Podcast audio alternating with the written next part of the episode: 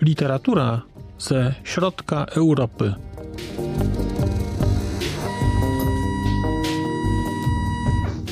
Podcast około książkowy.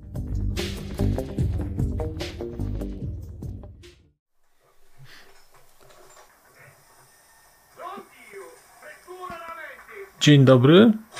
Marcin Piotrowski, podcast Znak Litera Człowiek, literatura ze środka Europy. Witam Państwa w odcinku specjalnym. Odcinek specjalny jest nie tylko dlatego, że w tle słyszą Państwo dźwięki z Assassina, bo mój syn Łoj tutaj obok to jest taki egipski, bardzo udany zresztą. Ale jest to odcinek specjalny dlatego, że chciałem Państwu zaprezentować odpowiedzi do tagu roślinnego, które przysłała Malwina. Bardzo Ci, Malwino, dziękuję. Przypominam, że czekamy jeszcze na dwie nominantki, na Anię i na Joannę. I cóż mogę powiedzieć, szanowne panie? Naród czeka. Naród czeka, a cierpliwość jego może się skończyć.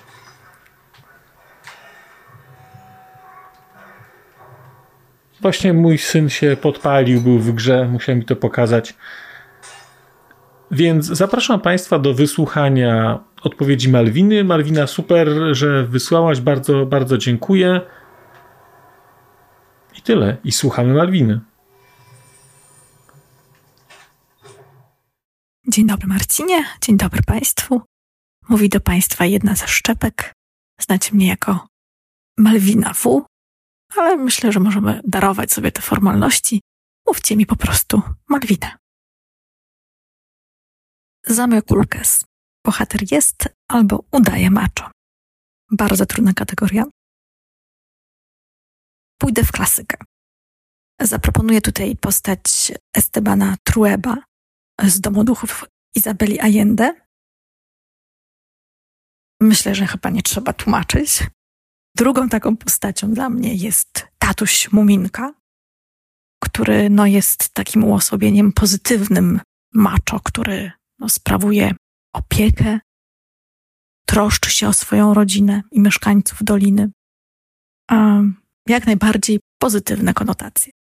Natomiast takie negatywne skojarzenia, czyli taka postać pseudo-macho, to jest to ojciec bohaterki Sylwii z muru duchów Sarmos. Jest to człowiek, który bardzo przedmiotowo traktuje swoich najbliższych, swoją córkę, swoją żonę, który stosuje przemoc, agresję, poniżenie, a wszystko dlatego, że ma napady historii. Zafascynowany jest epoką brązu, zabiera rodzinę na taki eksperymentalny obóz antropologiczny, no i tam, tam się dzieje. Papirus. Ważną rolę odgrywa woda. Zaproponuję może coś ze środka literatury, czyli może nic ambitnego, ale dosyć wciągającego. Mam na myśli w samym sercu morza Jojo Moyes. I proszę mi wierzyć, zarówno tłumaczenie tytułu, jak i okładka są bardzo mylące. To nie jest aż tak bardzo złe, jak mogłoby się wydawać. Historia nawiązuje do rzeczywistych wydarzeń, bo tę kartę historii odkryła autorka, próbując rozwikłać historię swojej babci. Otóż po zakończeniu II wojny światowej brytyjscy żołnierze, którzy stacjonowali w odległych terytoriach, często wchodzili w związki małżeńskie z lokalnymi dziewczynami. I po zakończeniu służby, po zakończeniu wojny, kiedy oni wrócili do kraju, no narodził się problem, co zrobić z tymi kobietami. Marynarka Królewska zorganizowała transport dla 655 pań z Australii do Wielkiej Brytanii. No i akcja rozgrywa się na pokładzie tego transportowca. Proszę sobie wyobrazić, ile to emocji, intryg. Na pokładzie są same panie i obsługa. Oczywiście mamy jakiś tam wątek miłosny, no ale chyba nie był taki bardzo zły, chyba tak bardzo nie zgrzytałam z zębami, aż tak bardzo mi to nie przeszkadzało. Natomiast historia dla mnie była kompletnie nieznana. No i nie spodziewałam się, czytałem, spodziewałam się lekkiej lektury wakacyjnej. Owszem, ona jest lekka, ale dla mnie przyniosła jakieś nowe informacje. Drugą książką, w której istotną rolę odgrywa woda, woda jako żywioł, to Tatuś Muminka i Morze. To jeżeli ktoś z Państwa kiedykolwiek pomyślał o tym, żeby rzucić pracę w korpo i pojechać w Bieszczady i zmierzyć się z naturą, napisać swoje opus magnum, to myślę, że warto wcześniej przeczytać tę lekturę. Nic więcej nie powiem. Natomiast myślę, że warto wracać do takich lektur. One są dobre nie tylko dla dzieci. Trzecia propozycja to Ciche Wody Sary Moss. Mamy tu deszczowe lato w Szkocji, kemping, 12 rodzin i 12 różnych spojrzeń na tą historię. Praktycznie nikt nie jest zadowolony z tych wakacji, nikomu nie pasuje to, gdzie jest. Czuć taką narastającą, taką niewysłowioną agresję, niechęć, znudzenie. Oni siedzą i myślą. A niestety ten padający deszcz sprawia, że te ich myśli skupiają się na takiej dosyć negatywnej stronie ich egzystencji, a nagromadzenie w jednym miejscu takiej ilości negatywnej energii prowadzi do tego, iż staje się to jakby taką iskrą do pewnych takich nieszczęśliwych zdarzeń. I naszła mnie wtedy taka refleksja, czy gdyby wyszło słońce, gdyby pogoda dopisała, czy ich myśli byłyby pogodniejsze i czy wydarzyłoby się to, co się wydarzyło. Polecam. Myślę, że mimo wszystko warto przeczytać. Fikus. Wszystkie cechy, które lubisz. Ja bardzo przepraszam za te moje dźwięczne S.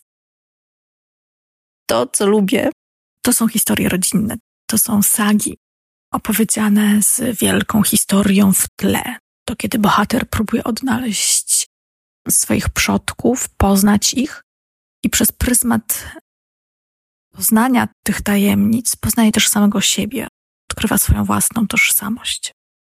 Do tego, jeżeli jest to opowiedziane w sposób nielinearny, no to jest po prostu coś, co mi najbardziej odpowiada. To, co proponuję w tej kategorii, to y, Gorzko Gorzko Janny Bartor. To Pokora i Drach Szczepana Twardocha. Epipremum najdłuższa seria. Tutaj zastanawiałam się, czy e, mówić o najdłuższej serii, w sensie serii wydawniczej, czy najdłuższy cykl. No, ponieważ serie wydawnicze to jest coś, co jest dosyć popularne i ciągnie się czasem w nieskończoność. Cykle znowuż no, są czymś, czego nie lubię czytać, przynajmniej dzisiaj. Boję się, że zaangażuję się w coś, nie będę miała czasu czytać dalej, nie będę pamiętać i krótko mówiąc, fabularnie się troszeczkę pogubię. Dlatego sięgnęłam troszeczkę wstecz do czasu swojego dzieciństwa, kiedy to czytałam też komiksy i pierwszym takim komiksem, który przyszedł mi na myśl, to był tytuł Sromek i Atomek. Ale jak sprawdziłam w internecie i policzyłam, ile części przeczytam, okazuje się, że przeczytam ich tylko sześć. Prawdopodobnie czytałam je w kółko i w kółko i ciągle wracałam i tak mi w głowie zostało, że przeczytałam ich Bóg wie ile. Więc no, nie liczy się. Drugą taką serią był Torgal. To był komiks o wikingach, dzięki któremu poznałam tak naprawdę mitologię nordycką. Znowu sięgnęłam do internetu i okazuje się, że przeczytałam tych części 16, a do dzisiaj wydano ich 42. No, troszkę mam zaległości, nie wiem, czy do tego wrócę, bo kiedyś próbowałam oglądać to w księgarni i szczerze mówiąc, no nie poczułam się zachęcona. Poczułam się wręcz zniechęcona, gdy zobaczyłam cenę. Nie wiem, jak to było w latach 90., czy one też były tak drogie. Przyznam się, że ja pożyczałam od mojego sąsiada. Nie posiadałam własnych, tak jak posiadałam Tytusa. Ale no, załóżmy, że przeczytałam 16 z 42. Myślę, że całkiem niezły wynik. Przeczytam też dwie serie kryminalne. były to kryminały Agaty Christie, zwłaszcza te z Herkulesem Poirot. No, uwielbiałam tą małomiasteczkową atmosferę na angielskiej prowincji, posiadłościach e, brytyjskich. Do tego doba modernizmu, art deco. No dla mnie to była czysta rozrywka. Drugą taką serią, którą o dziwo przeczytałam całą, to była historia kryminalna z flybacki autorstwa Kamili Lagerberg. Niedługo wychodzi jedenasta część. Nie wiem, może zobaczę. Syngonium. Pozornie trudne książki. Dla mnie taką pozornie trudną książką był Drach. Obawiałam się tutaj licznych germanizmów, obawiałam się gwary śląskiej, czy też języka śląskiego. Oczywiście no, te wszystkie obawy się nie potwierdziły, bo książka okazała się przystępna, a do tego genialna. Poza tym miałam taką obawę przed prozą Tomasa Bernharda. Wydawało mi się, że to już e, zahacza o filozofię z wyższej półki i będzie to język, z którym sobie nie poradzę. Tymczasem przeczytałam trzy takie mikropowieści bratanek Wittgensteina, Wycinka i Chodzenie. Tutaj w zasadzie nie miałam takiego problemu. Czytało się dosyć to płynnie. Było to dosyć zabawne, było to ciekawe doświadczenie czytelnicze. Polecam wszystkim tym, którzy no, mają podobne obawy, że to będzie ta literatura za trudna. Wbrew pozorom, to nie jest trudne, bo tematy, które porusza, one nie są jakieś szczególnie skomplikowane, natomiast ujawnia je stopniowo pod tą całą gmatwaniną splątanych zdań. Alokazje. Początkowo się podobało, ale nie udało się skończyć. Po pierwsze, cmentarz w Pradze Umberto Eco. Prawdopodobnie sięgnęłam po tą książkę w nieodpowiednim momencie. Z tego co pamiętam, liczyłam na lekką lekturę w stylu imię róży. No niestety próg wejścia był tutaj znacznie trudniejszy. No niestety książkę odłożyłam i jak dotąd, a minęło już chyba kilkanaście, no może kilkanaście nie, ale kilka na pewno lat. Drugą taką pozycją jest Zamek Kawki.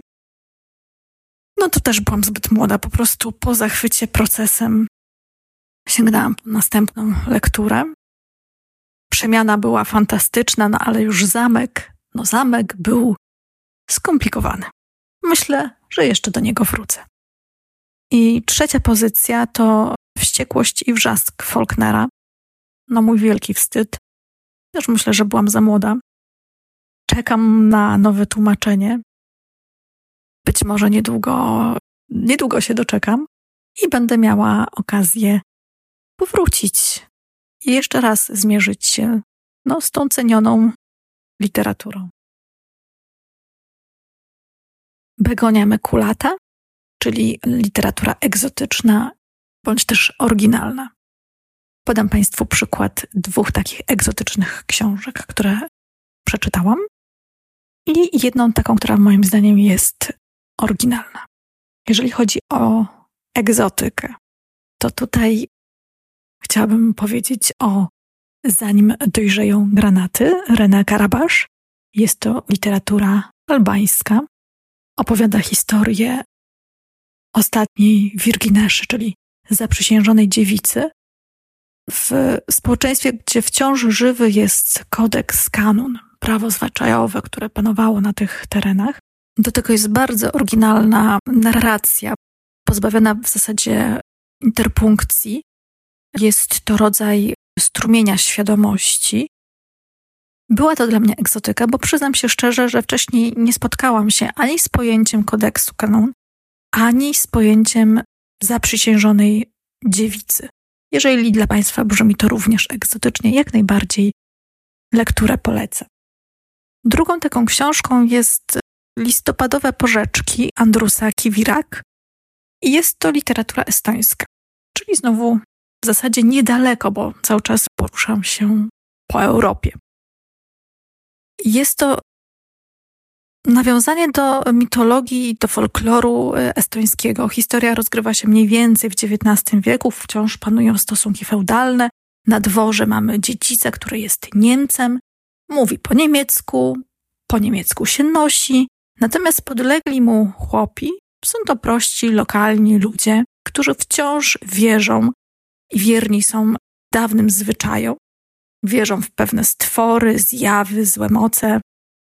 I wszystko to było dla mnie zupełnie nowe, inne. Do takiej po prostu chłopi w wydaniu estońskim.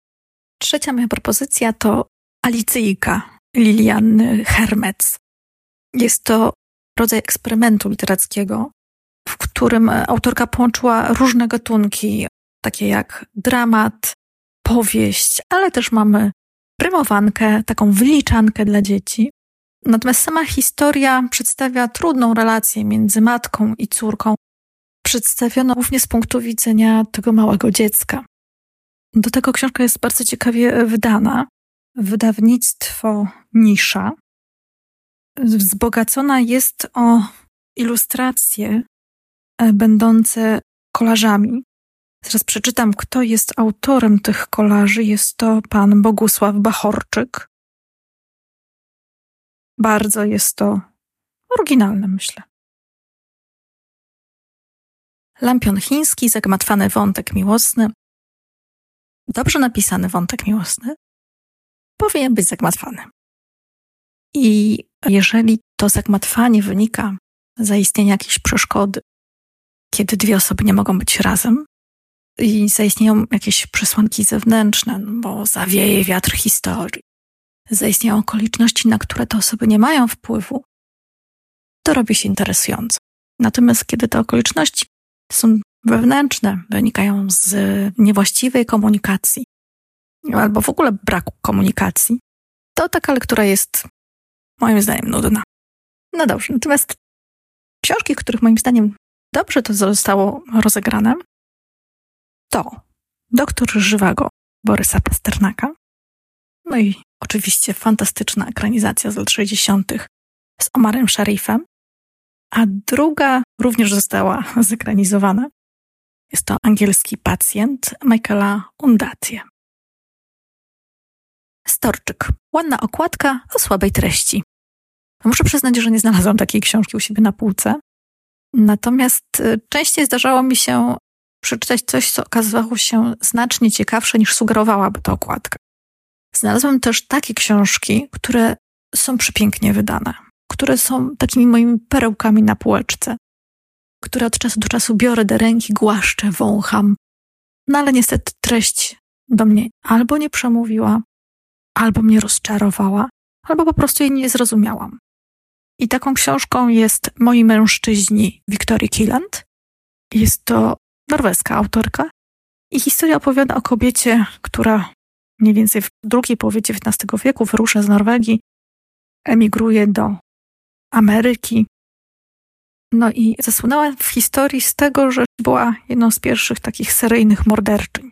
Przy czym nie jest to historia tego, czego ona dokonała, co popełniła. Widzimy raczej jej myśli, jej uczucia. Jest to coś w rodzaju strumienia świadomości, ale on jest tak poplątany, że ciężko jakiekolwiek fakty z tego e, wysłupłać. No prawdopodobnie nie trafiła w mój czas. Myślę, że będę musiała do tej lektury jeszcze kiedyś wrócić. Dodam jeszcze, że książka została wydana przez wydawnictwo Art Rage. Jest to przepiękna turkusowa okładka. Okładkę zaprojektowała Ula Pongowska. Widzimy na niej ilustrację ćmy, przybitej szpileczkami do jakiegoś podłoża. I te szpileczki, czubki tych szpileczek widzimy na okładce po rozwinięciu skrzydełka z drugiej strony. No, niesamowity zabieg. Bardzo ascetyczna okładka. No, bardzo mi się spodobał. Niestety treść już mniej. Kolejna książka to Kali albo Sól, historia z przedzimia, autorstwa Petera Handke. Noblista. Książka została wydana przez wydawnictwo Eperon z Ostrogi. okładka jest z obwolutą. Jest to taki papier fotograficzny, na którym mamy reprodukcję obrazu, już Państwu przeczytam, Ernesta Kirchnera i jest to obraz Davos zimą. Książka, jak już wspomniałam, jest pięknie wydana. Bardzo dobrze się ją czytało. Niemniej, no, nie zrozumiałam jej. No jest to rodzaj przypowieści, ona jest bardzo metaforyczna, wręcz surrealistyczna. I niestety nawet przeczytanie posłowia niewiele mi wyjaśniło. Owszem, no mniej więcej dotarło do mnie nieco więcej, ale i tak myślę, że nie odczytałam jej w całości. Trzecią książką, która również została pięknie wydana przez wydawnictwo, tym razem Charakter, jest to Szczodrość Syreny Denisa Johnsona. I to było po prostu moje rozczarowanie, dlatego że przeczytałam no tyle entuzjastycznych recenzji, że spodziewałam się wielkiego wow. No, natomiast była całkiem przyzwoita, była ok, ale tak naprawdę z pięciu opowiadań, tak jak teraz widzę, pamiętam może dwa. Niemniej została ona tak pięknie wydana, że zostaje na mojej półce. Dziękuję. Do usłyszenia.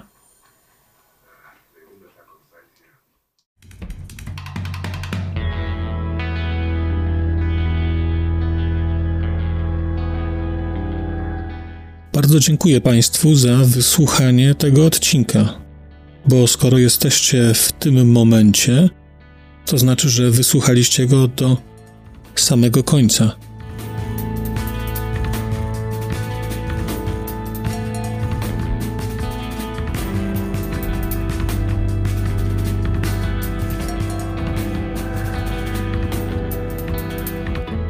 Słuchaczy platform podcastowych chciałem zaprosić na kanał na YouTubie, gdzie znajdziecie Państwo te same treści, ale dzięki modułowi komentarzy będziecie mogli wejść w interakcję z innymi słuchaczami tego podcastu i dzielić się swoimi spostrzeżeniami dotyczącymi książek, ale nie tylko.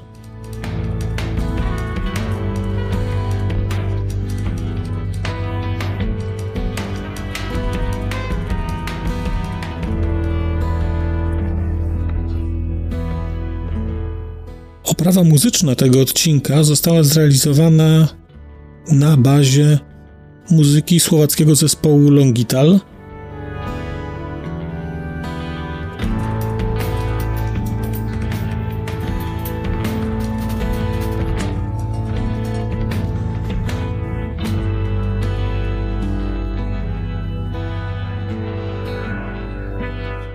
Longital to Wspaniała słowacka grupa, której muzyka jest dla mnie kwintesencją nowoczesnego brzmienia Europy Środkowej. Bardzo Państwa zachęcam do posłuchania tego zespołu i chciałem podziękować Shinie i Danielowi, że zgodzili się na wykorzystanie ich muzyki w moim podcaście.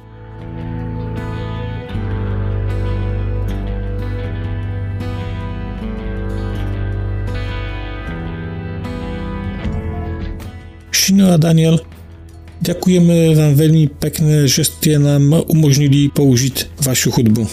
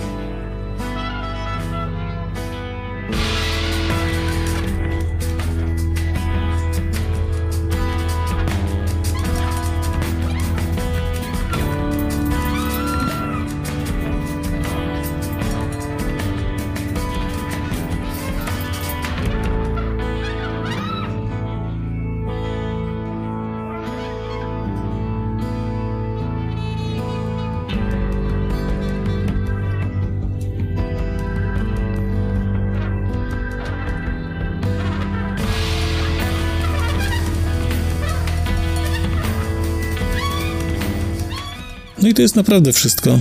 Dziękuję i do usłyszenia.